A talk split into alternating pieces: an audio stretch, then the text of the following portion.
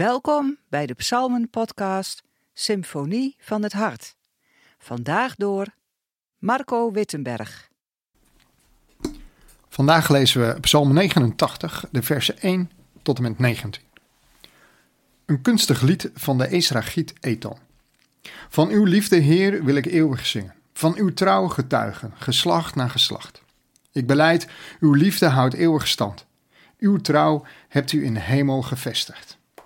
Ik heb met mijn uitverkorenen een verbond gesloten.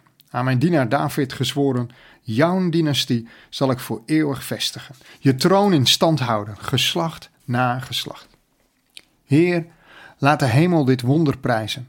Laat de kring van hemelingen u loven om uw trouw. Want wie daarboven kan de Heer evenaren? Wie van de goden zich meten met de Heer, met God? Zeer geducht in de, in de raad van de hemelingen, gevreesd bij allen die hem omringen. Heer, God van de hemelse machten, Heer, wie is zo sterk als u? Trouw omhult u als een mantel. U heerst over de hoog reizende zee. Verheffen zich haar golven, u brengt ze tot rust. U hebt Ragab verpletterd en doorboord. Met krachtige arm uw vijanden verstrooid. Van u is de hemel, van u ook de aarde. De wereld met alles wat er leeft heb u gegrond. Het noorden, het zuiden, u hebt ze geschapen. Tabor en Hermon bejubelen uw naam. Uw arm verricht grote daden. Krachtig is uw hand, geheven uw rechterarm. Uw troon rust op recht en gerechtigheid. Liefde en trouw staan in uw dienst. Gelukkig het volk dat van uw roem getuigt en leeft, Heer, in het licht van uw gelaat. Juichend roepen zij uw naam dag aan dag. Door uw gerechtigheid richten zij zich op. U bent de glans van onze kracht. Door uw gunst verhoogt u ons aanzien. Aan de Heer danken wij ons schild.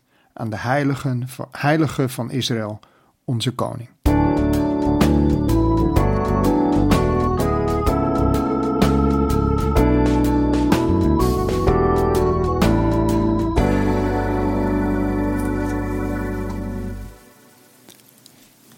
Wat doet het met je als de dingen niet gaan zoals je verwacht had? Of erger, zoals ze beloofd waren? Af en toe doe ik wel eens wat klusjes in huis of in de tuin en soms zit het tegen. Dan lukt het niet en hoe langer dit duurt, hoe sneller mijn humeur minder wordt. Tot groot ongenoegen van mijn vrouw en kinderen. En vaak hoor ik dan ook nog eens op de achtergrond, net hard genoeg, laat papa maar even met rust. Ah, dat helpt niet. Psalm 89 is een lange psalm, 53 versen lang en in deze podcast concentreer ik me op de eerste 19 versen, zoals ik die net las. Meer over de hele psalm met verdiepingsvragen vind je op de website onder de kringvlogs, die deze keer gaat over de hele psalm 89. Als je de hele psalm leest, dan merk je duidelijk een tweedeling. De versen 1 tot 19 gaan over God, zijn trouw, rechtvaardigheid en vooral zijn belofte aan het huis van David. Je troon zal stand houden, staat er in vers 5.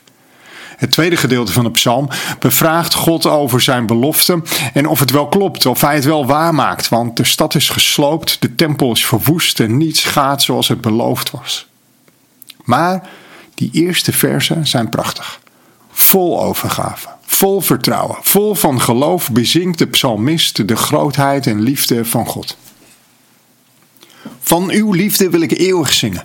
Uw liefde houdt eeuwig stand, lezen we in vers 1 en 2. Hemel en aarde, noord en zuid, niemand is zo sterk als God. Niemand is als Hem, lezen we in de versen 9 tot 15. Met overtuiging wordt zelfs de belofte uitgesproken dat dat volk gelukkig is die getuigt van Gods roem. Om het even later persoonlijk toe te passen op het volk Israël. U bent de glans van onze kracht, lezen we in de versen 18 en 16. Wat is het mooi om zo overtuigd van je geloof te zingen, te bidden, te spreken. Wat is het mooi om op deze manier God te prijzen en te aanbidden met volle overgave. En misschien herken je het wel. Misschien is dit wel je state of mind als je op een conferentie bent of tijdens een prachtige dienst waar je met anderen geniet van het samen God aanbidden. Maar dan, wat als het tegen zit? Wat als de dingen niet lopen zoals je gepland had? Of nog sterker, zoals je ervaren hebt dat God ze aan je beloofde. Soms zit het tegen. Soms valt het tegen. valt het leven tegen. Vallen mensen tegen en raak je teleurgesteld of beschadigd, gekwetst. En dit gebeurt. Het is niet zozeer de vraag of het gebeurt, maar vooral wanneer het gebeurt. En wat blijft er dan over van je vertrouwen in God? Wat blijft er dan over van het van uw liefde wil ik altijd zingen? Pas onder druk merken we echt hoe mensen zijn en hoe ze reageren. Ook wij zelf. Pas onder druk kom ik erachter hoe groot mijn vertrouwen op God is, hoe diep mijn geloof geworteld is. De psalmist spreekt in prachtige bewoordingen over God, zijn liefde, zijn trouw en rechtvaardigheid. Maar de diepte van deze woorden blijkt uit het tweede gedeelte van de psalm.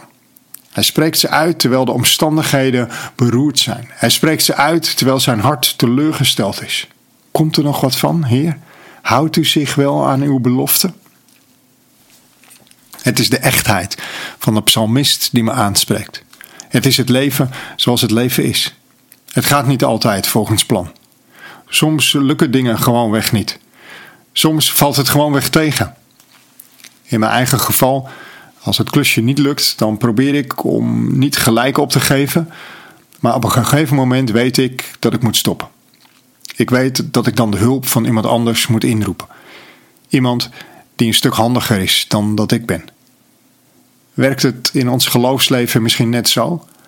Als het tegenzit, dat we dan iemand anders om hulp mogen vragen? Een vriend, vriendin of mede gemeentelid?